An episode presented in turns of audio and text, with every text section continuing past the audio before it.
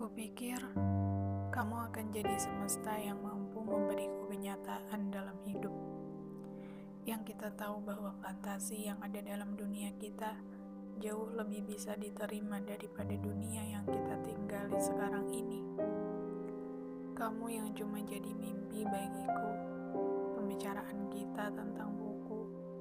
Aku tidak tahu bagaimana caranya untuk tidak